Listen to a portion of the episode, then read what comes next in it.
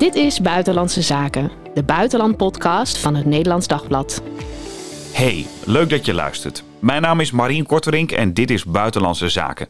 Daarin bespreken we wekelijks allerlei zaken die er spelen, niet in ons koude kikkerlandje, maar daarbuiten.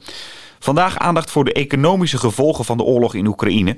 Maar eerst hebben we het over het aanbieden van het EU-lidmaatschap aan dat land. Verschillende landen in de Europese Unie pleiten ervoor. Maar is dat slim en hoe werkt dat eigenlijk, lid worden van de Europese Unie? Een hoop vragen die ik allemaal ga stellen aan Ruud Ubels, buitenlandredacteur hier bij het Nederlands Dagblad. Goed dat je er bent, Ruud. Um, even bij het begin beginnen. Sinds wanneer wordt dat lidmaatschap eigenlijk aangeboden aan Oekraïne? Nou, al een tijdje zijn we erover in gesprek. En um, ergens eind jaren 90, 1998 hebben we de EU en, of de, hebben we Oekraïne een soort partnerverdrag aangeboden. En uh, dat hebben we dus sinds die tijd. En dat betekent dat we een beetje de importtarieven aan het verlagen zijn. En we zijn met z'n spreken over democratie. En hoe geef je nou je rechtsstaat een beetje goed vorm. Dat is eigenlijk nogal vrijblijvend. Een soort gastlidmaatschap, of hoe moet je dat zien? Nee, dat, ja, op weg naar een kandidaatlidmaatschap, ja, zou je misschien zo kunnen zeggen. Maar het is nog allemaal heel erg los. En het, ja, het, het mag ook niet te veel voorstellen, want we wilden Poetin natuurlijk niet irriteren. Dus ja, ja, maar goed, we hebben wel een, een band die we overigens ook met andere landen hebben hoor, als, als Marokko of zo. Dus op zich is het helemaal niet zo gek. Dus mensen die er allemaal complotten zien, dat is allemaal onzin. Want we met, met talloze landen ter wereld hebben we dat soort uh, verdragen. Um, ja, in de afgelopen jaren hebben we altijd toch wel de boot afgehouden. Maar toch ook wel zeggen, het zou misschien wel een keer kunnen, zo'n lidmaatschap. Ja. ja, en nu natuurlijk met de oorlog is het, uh, is het uh, ja, wordt het, heel, wordt het debat ook heel emotioneel. En dat zie je ook. Dat de ratio verdwijnt een beetje in de achtergrond. En, uh, en ja, ze moeten erbij. En, uh, ja, ja, want hoe zijn die verhoudingen dan in de Europese Unie? Is ieder land dat de, de, een beetje op die toer van uh, ja, ze moeten erbij? Nou, nee, je ziet dat, nou... je, nee, je ziet het vooral in die, die oostelijke, Oost-Europese staten. Dus Letland, Litouwen, Estland, Polen, dat soort landen. Die, die, die, die ook bij die Russische grens in de ja, buurt zitten eigenlijk. Ja, die, die ook bang zijn voor de, voor de Russen. Ja. Uh, in het algemeen en Poetin in het bijzonder. En die hebben zoiets van, ja, wij snappen eigenlijk wel waarom die Oekraïners zoveel zo bang zijn. Waarom ze graag bij willen. Dus um, ja, die zijn er heel erg voor. Ja. ja. En zijn de landen ook heel erg tegen? Uh, Nederland is tegen. Want wij, vinden, of althans Rutte vindt dat regeltjes gevolgd moeten worden. En de regels laten net nu niet toe. Maar ook een ander land wat er heel erg tegen is, dat is uh, Hongarije bijvoorbeeld. En dat komt omdat Hongarije heeft van oudsher, een, een, er woont een Hongaarse minderheid in Oekraïne. En volgens premier Orbán van Hongarije worden die Hongaren niet goed behandeld. En dat is ook een van de redenen geweest dat Orbán ook de afgelopen jaar altijd terughoudend is geweest als het wordt NAVO-lidmaatschap of EU-lidmaatschap van de Oekraïne viel.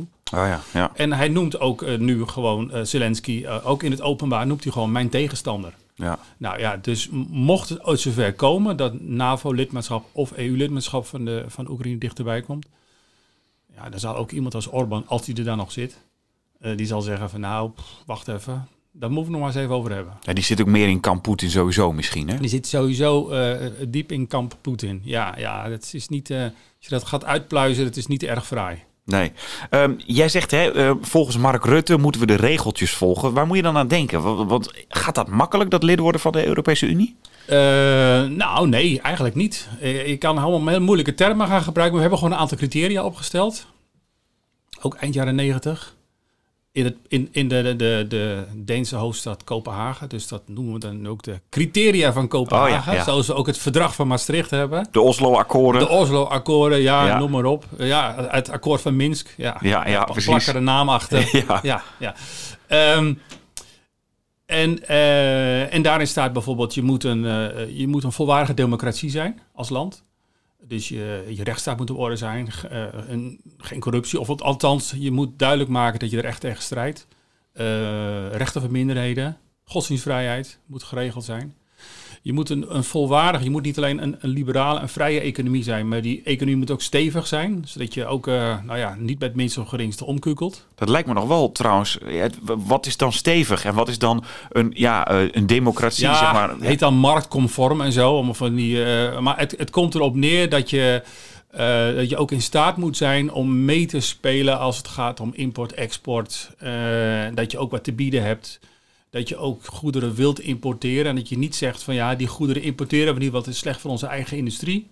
dat je gewoon dat spel mee kunt spelen. Ja, ja, dus dat zijn twee belangrijke criteria. Dus democratie en economie. En, te- ja, en tenslotte moet je, moet je uiteindelijk, moet je vroeg of laat gewoon alle Europese wetgeving kunnen invoeren. ja. En, en, en is dat voor Oekraïne helemaal geen probleem?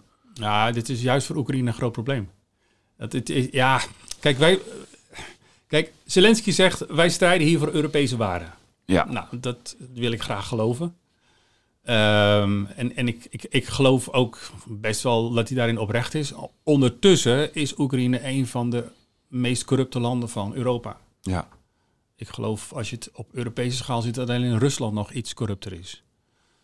Ehm, rechtsstaat is ook niet helemaal je van het. Eh, persvrijheid is ook niet super geregeld. Er zijn nog grote kranten en grote mediaconglomeraten waar je niet zo makkelijk tussen komt. Eh, rechten van minderheden is, valt best wel wat op af te dingen. Russisch sprekende minderheden, Hongaars sprekende minderheden. Orbán heeft wel een puntje.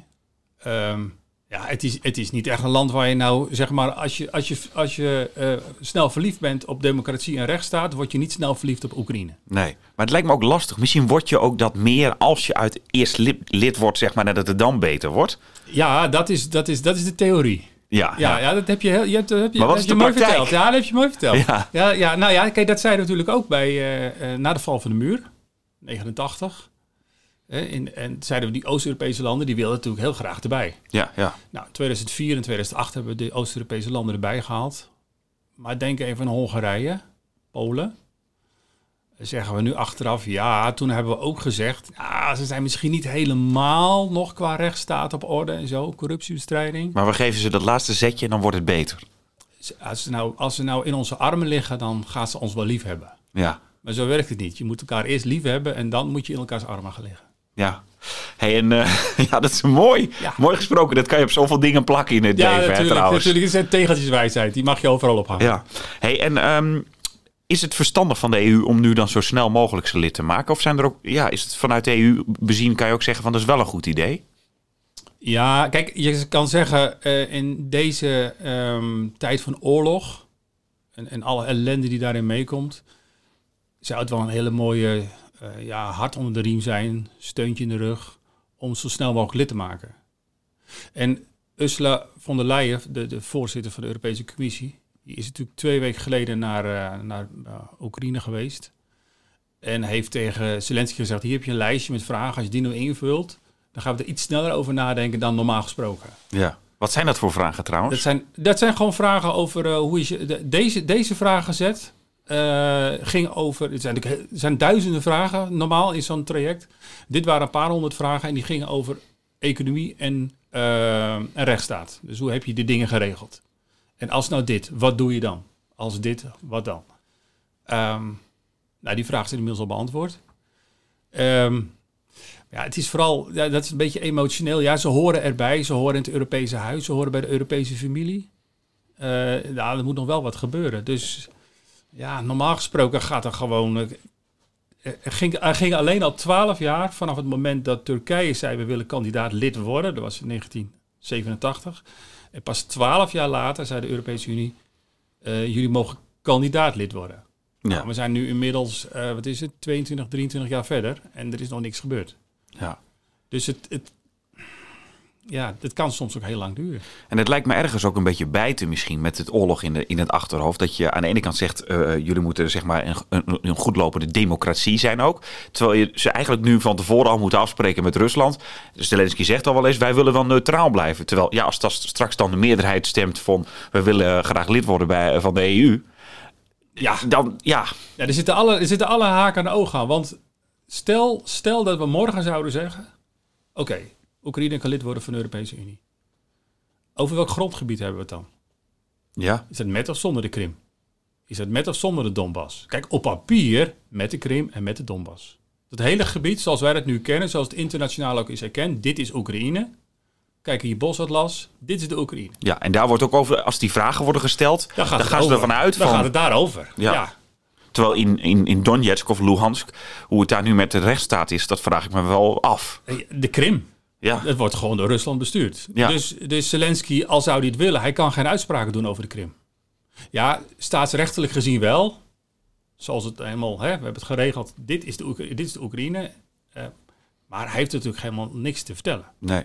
Dus de vraag is, met welke Oekraïne gaat de Europese Unie dan in zee? Met, met welk grondgebied? Brengt je de, EU ook in die zin in een lastig parket dan? Want dan Ja. moet je eigenlijk naar Donetsk gaan of naar de Krim gaan om te zeggen... Hallo, eh, welkom bij de club. Ja, ja, ja, eigenlijk wel. Maar die zeggen van nee, want wij, wij zijn op Rusland georiënteerd. Ja, Nou is het ook zo dat eh, in het algemeen zegt, zegt, zegt de Europese Unie... wij willen geen landen erbij die, ehm, die in staat van oorlog verkeren... Of, eh, of, of waar heel veel gedoe is over wa- wat zijn precies onze grenzen. Eh, want je importeert aan een conflict de Europese Unie in. Ja. En dat wil je ook niet. Dus, dus er zitten mensen die zeggen van nou, dat gaan we gewoon verregelen. Dat is dus niet zo. Dat, dat, dat, ook, ook zeg maar, eh, we zitten nu in oorlogstijd, dan kan het al niet. En in vredestijd is het ook al lastig. Dus ja. ja, Oekraïne zit er nog lang niet bij. Nee, want dat gaat nog wel even duren ook. Want, want, want ja, de emoties zijn hoog. Nou, zeker. Maar betekent dat dan dat het wel sneller gaat? Eh, nou, nu is wel de verwachting. Ik zei net, het duurde twaalf jaar voordat de. Er zat twaalf jaar tussen het moment dat eh, Turkije belde van kunnen we kandidaatlid worden en dat daadwerkelijk kandidaatlid waren. De verwachting is dat in juni is er een Europese top met regeringsleiders. Dat de Europese Commissie, het dagelijks bestuur van de EU, dat die daar een voorstel doet om dat kandidaatlidmaatschap toe te kennen. Nou, dat is dan heel snel. En of ze dat dan op die top doen, of, of later in het najaar, of volgend jaar. Nou, stel dat ze het volgend jaar zouden doen. Dan is het nog in een razend tempo gegaan. Is dat, is dat gezond, zeg maar, als je ziet dat je eigenlijk normale cyclus hebt, wat wel, wat nou wel meer dan tien jaar duurt, dat dan nu vanwege de emoties, hè, want rationeel zeg je, eh, nou volgens de regels al, hè, eh, een land in oorlog, dat kan gewoon niet. Eh, is, is dat dan verstandig? Of komt die bezinning misschien dan ook nog?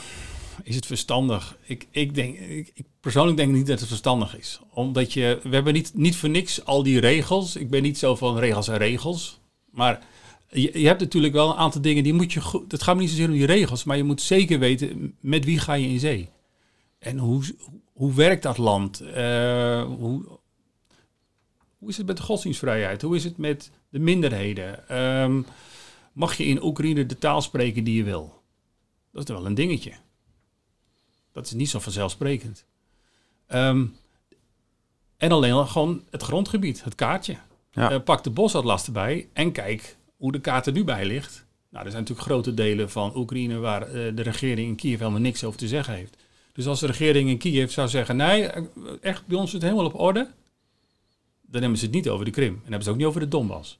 Nee, en als ze het eerlijke verhaal vertellen, Dan, dan moeten ze technisch zeggen, gezien, dan komen ze er dan nooit in. Ja, kijk, wat, wat wel zo zou kunnen zijn, en dat zou het ver- versnellen, is dat ehm, stel, stel, stel, er komt later dit jaar een vredesakkoord tussen Rusland en de Oekraïne. En in het akkoord zou staan, stel, dat Kiev, dat Zelensky definitief afziet van de Donbass en de Krim. En die worden bij Rusland gevoegd. En daar worden keurig netjes handtekeningen gezet. En eh, er komt nog een internationaal eh, congres. En eh, nou, weet ik veel. En iedereen is blij en het is erover, of niet blij, maar in ieder geval erover eens. Nou, dan is dit het iets kleinere Oekraïne, maar dit is het dan. Als dat echt duidelijk is, ja, dan kun je ook sneller lid, worden van de E EU. Dan zou je, ja, dat, hoe cru het ook klinkt in deze Ja. tijd van oorlog, een win-win situatie hebben. Want Poetin is er blij mee dat hij dat stuk heeft. De EU kan zeggen van, nou, jullie mogen dan, dat andere gedeelte mag erbij. Oekraïne is blij dat zij de EU bij de EU mogen. Heel cru gezegd, als Zelensky snel bij de EU wil, dan moet hij de Donbass en de Krim afstaan. Gaat Ja. hij dat doen? Dat is natuurlijk heel cru. En dan Ja. ga- eh, dat, dat kun je ook van zo iemand niet verlangen. Maar ehm, als je het politiek speelveld overziet, dan zou dat een conclusie kunnen zijn. Hoe eh, als Zelensky snel bij de EU wil, dan, de EU wil, dan moet hij de Krim en de Donbass definitief afstaan. Als dat tenminste, maar dat weten we ook niet precies, als dat het einddoel is van Van de slager in Moskou. Ja. Ehm, dat over EU-lidmaatschap. Nog eventjes de NAVO kwam ook even voorbij in het nieuws afgelopen week dat Finland en Zweden Mhm. bijvoorbeeld NAVO-lid willen worden. Is dat net zo ingewikkeld of hoe werkt dat eigenlijk? Ja, die, dat proces gaat meestal wel wat sneller. Leert de, eh, leert de ervaring, leert de geschiedenis. Maar ook daarvoor geldt eh, dat een aantal criteria zijn. Nou, eh, ehm, alleen landen in Europa of Noord-Amerika kunnen lid worden. Nou, dat geldt voor Finland en, eh, en Zweden, dus dat is het punt niet. Je moet goed functionerende democratie zijn. Dat zijn Dat zo. bij beide landen ook, het, ook ja. geen probleem. Ehm, de andere li- NAVO-lidstaten moeten ermee instemmen. Allemaal? Allemaal. Ja, ik zie daar ook geen bezwaar. Kijk, stel, stel dat er een, een, een, een ruzie zou zijn tussen Finland en Polen over een, over een eiland in de Oostzee. Of, kijk, dan zou Polen kunnen zeggen, ja, eh, zoek het uit. Ja, dus dan moet je even het goede moment afwachten. Ja, maar dat is dus ook niet, dat is ook niet zo. En ehm, eh, de inwoners van het land moeten akkoord gaan, dus van Finland en Zweden. Maar dat mag of het parlement zijn, of bijvoorbeeld via een referendum. Maar dat lijkt ook geen probleem. Het lijkt nu ook geen probleem. Zeker niet als het via eh, het parlement doen. Want daar zit sowieso wel, wel een meerderheid. En, die, en in die polls, die peilingen voor zo'n referendum, eh, zie je ook wel een meerderheid ontstaan. Dus dat kan in principe veel sneller dan, dan het lidmaatschap van de Oekraïne bij de Eu- Europese Unie. Durf jij te stellen dat dat eerder gaat gebeuren ook? Ja, dat denk ik wel. Ja, dat denk ik wel. Kijk, in het verleden zeiden we van ja, maar die landen moeten, we moeten ook geen lid worden van, eh, van, van de NAVO, want dan wordt meneer Poetin boos. Ja. Maar dat argument geldt niet meer, want die wordt altijd boos. Ja. Ehm, dus wat dat betreft zou je morgen ook de Oekraïne lid kunnen maken van de NAVO. Ja. Want hij, Wil de Oekraïne ook bij de NAVO? Want ik, ik las het ze over wel, Finland ja. en Zweden. Ja, dat wilden ze wel. Ja, ja. Maar daarvan, eh, in 2008 is daar, wel, is daar ook, al, of, ook al over gesproken. Dat hebben we ook alweer over meer dan tien jaar geleden. Maar daar was toch zoiets van, ja, ja dan, wordt meneer Poetin boos. Maar ja, die blijkt nu toch boos te worden. Dus ja, dan kun je ook zeggen, nou ja, word dan maar lid. We gaan zien hoe dit zich gaat ontwikkelen. Ander nieuws nog, gerelateerd ook aan de oorlog in Oekraïne waar jij mee bezig bent geweest. De economische groei die wordt vertraagd, heeft het eh, Internationaal Monetair Fonds gezegd gisteren. Ja, ergens denk ik als ik dat hoor, ja weinig verrassend toch? We hebben een Ja. oorlog. Ja. Eh, Je hoort al een hele tijd van, hè, we, dat materiaal wordt slecht geleverd. Ja, Ja, de- le- le- lekker, eh, ja, lekker voor de hand liggend. ja, voor, nee, voor nee. open doel binnenschieten, zeg maar een ja, beetje. open doel. Ja, nee, dat, dat is natuurlijk ook zo. En we weten, elke oorlog, of het nou Irak-oorlog is of wat dan ook, heeft ergens een, vaak een dempend effect op, eh, op onze economie. Ehm, maar, ja, nou ja, kijk, het, effect lijkt ook niet zo heel erg, erg te zijn. Althans, hè, de, de, de grote cijfers. Maar er zit natuurlijk altijd een andere, andere realiteit achter. Maar als je de cijfers ziet, dan is het van, ehm, ehm, we hebben iets, iets minder meer groei komend jaar. Ja, dus We normaal... zouden eh, iets van eh, eh, nou, di- dikke 3% groeien. Ehm, in Nederland bijvoorbeeld. En dat zou dan een kleine 3% worden. Nou ja, kan je zeggen, ja, is vervelend. Maar het is niet zo dat we. Kijk, de economie van, eh, van de Oekraïne die, die krimpt gewoon met 35%. Als Ja. we die cijfers mogen geloven. En van, eh, van Rusland ook met eh, iets eh 18% of zo. Kijk, now we're talking. ja. Dan hebben we het ergens over. ja, want wat merken wij nou van iets hoger dan drie of drie? Ja, niet zo heel veel. Dat, ja, het geeft misschien iets meer ruimte voor, voor, voor, voor een extra rondje loonsverhogingen of zo. Maar we- Ja. ja. we merken daar niet zo heel veel van. Althans, jij en ik merken daar niet zo heel veel van. Nee. Nee. Voor de overheid is het lekker, want dan heb je weer meer geld bijvoorbeeld voor de gezondheidszorg Ja. eh, of voor onderwijs. Maar wij, jij en ik, toch een dunne portemonnee, die wordt niet veel, die wordt niet veel Nee, precies. Hey, en, en ja, die oorlog die is natuurlijk ja, relatief kort dan nog bezig. Ja, als je erin zit natuurlijk, dan voelt het elke dag is te lang. Maar kunnen we die gevolgen van zo'n oorlog ook goed inschatten? Van wat dat dan uite- uiteindelijk gaat doen? Kan het bijvoorbeeld ook, ja, het is nu nog een klein beetje dan, maar kan het nog veel erger worden? Of wordt het nog veel erger bijvoorbeeld? Ja, kijk, het IMF schrijft zelf in het rapport, wat, eh, wat het gisteren heeft, eh, heeft gepubliceerd. eh, die, die zeggen van wij komen met deze cijfers, minder meer groei. En dan in Oost-Europa, dus die, eh, Rusland, Oekraïne en, en Wit-Rusland of Belarus, eh, een flinke, flinke krimp. Ehm, maar zeggen ze, er zijn nog heel veel onduidelijkheden. Dat is waar jij dan ook op, op, op je vraag. Er zijn heel veel onduidelijkheden. Want stel nou wat gebeurt er wanneer Rusland niet tevreden is met alleen de Donbass. Maar verder gaat en de oorlog zich tot volgend jaar voortsleept, noem maar wat. Ehm, stel dat eh, de NAVO er wel bij wordt betrokken, op de een of andere manier. En op, de achtergrond zegt het IMF, IMF, ja, misschien krijgen we in het najaar wel weer een coronapandemie, een nieuwe. Ehm, ja, en wat, wat gebeurt daar dan? En dat in combinatie met zo'n oorlog, eh, vluchtelingenstromen, ehm, Het is, het is heel onduidelijk. Ja, heel onzeker Ja, ook. is heel onzeker. Wat je al wel ziet is natuurlijk, eh, maar ik weet, dat is niet alleen de oorlog, dat, dat er dus heel lastig aan materialen te komen is. Maakt die oorlog dat nog erger? Ja, eh, kijk, wij, zit- wij zitten al jaren aan een, aan een infuus van, van China, van Azië. Ja. En daar, kom, daar komt ons speelgoed vandaan. Maar er komen ook, merkten we opeens tijdens corona, er komen ook grondstoffen vandaan voor, eh, voor paracetamol of zo. En dan was ik in een winkel en dan hing er een kaartje van maar één doosje paracetamol per klant. Ja. Dat was omdat er geen grondstoffen uit China kwamen vanwege corona. Ja, toen merkten we ook hè, dat we, toen werd ook veel gezegd natuurlijk van we- zijn te veel afhankelijk Ja. geworden, we hebben te veel uitbesteed aan, aan Azië. Dat ja, moet minder. Ja, En het is van, eh, van fietsen tot zonnepanelen. ja. Van alles. Ehm, alleen dat is natuurlijk heel erg moeilijk om dat allemaal terug te halen. Maar nu blijkt dat we ook aan een soort Russisch, Oekraïens, eh, eh, Belarusisch eh, ehm, infuus liggen.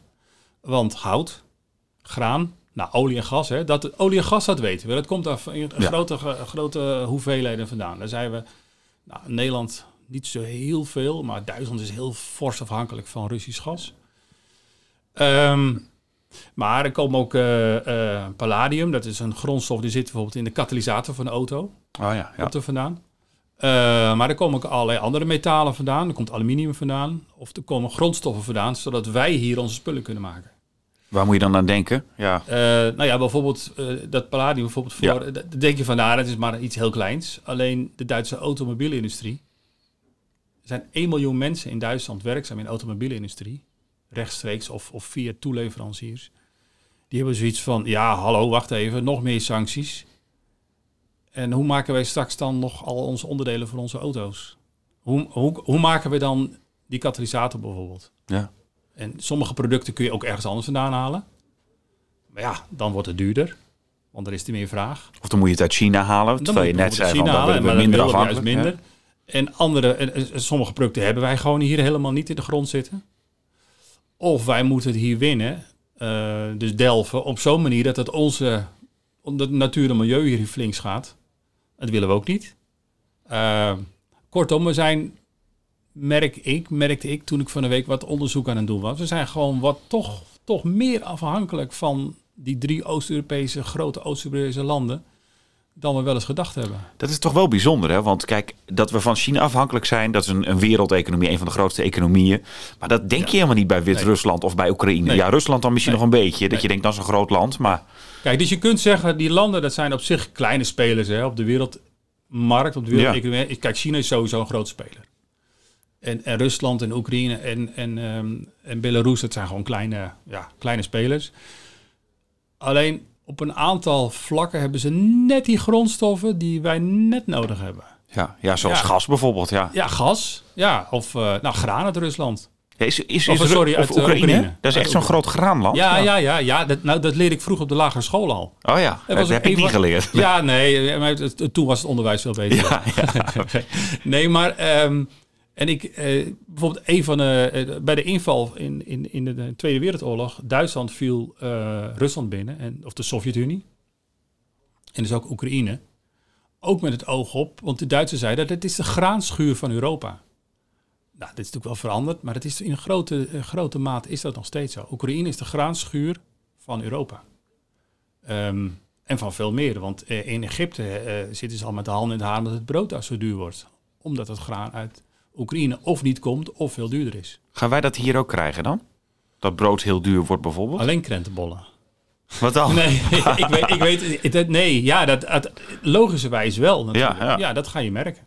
Ja, dat ga je merken. Als, als dat soort dingen stokken, ehm, nou, net als, als gas en olie, Ja. dan ga, vroeg of laat ga je dat merken. Tenzij we ergens anders iets vandaan kunnen halen, maar daar ziet het niet naar uit. Het is niet dat je zegt van nou, dan halen we graan uit ehm, Spanje, weet ik Nee. veel. Nee. Maar gevoelsmatig denk ik dan, dan wordt de broodprijs ineens dus 10 euro. Maar dat zie je nu nog niet gebeuren. Nee, nee. En, het, het, en het, het, het linker is wel dat graan natuurlijk een heel groot bestanddeel is van brood. Ja, Kijk, olie is bij de productie van allerlei producten maar een deel van.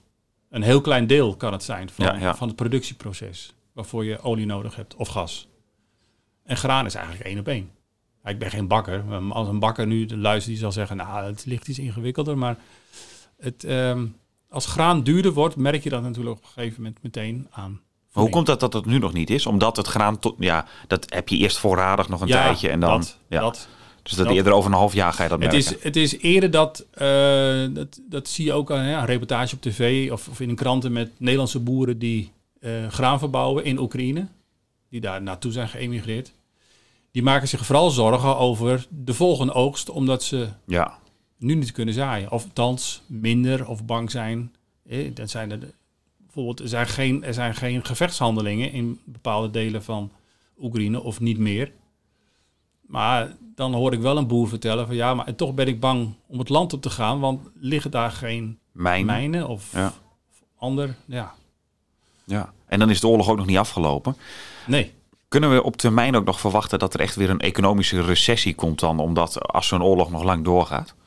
Dat je echt gewoon weer eh, de huizenmarkt 2008 eh, Ja, verhaal, dat, zeg dat, maar. nou, ik moest zelf terugdenken aan eh, 1973, de oliecrisis. Oh ja, ja. Want de oliecrisis... Ja, die heb ik niet meegemaakt, maar ik weet nee, ervan. ja, Ja, ik, ik ga je dat nu vertellen. Kom maar op. Nee, kom erop. Nee, de, olie, de oliecrisis, eind 73. eh, oorlog in het Midden-Oosten.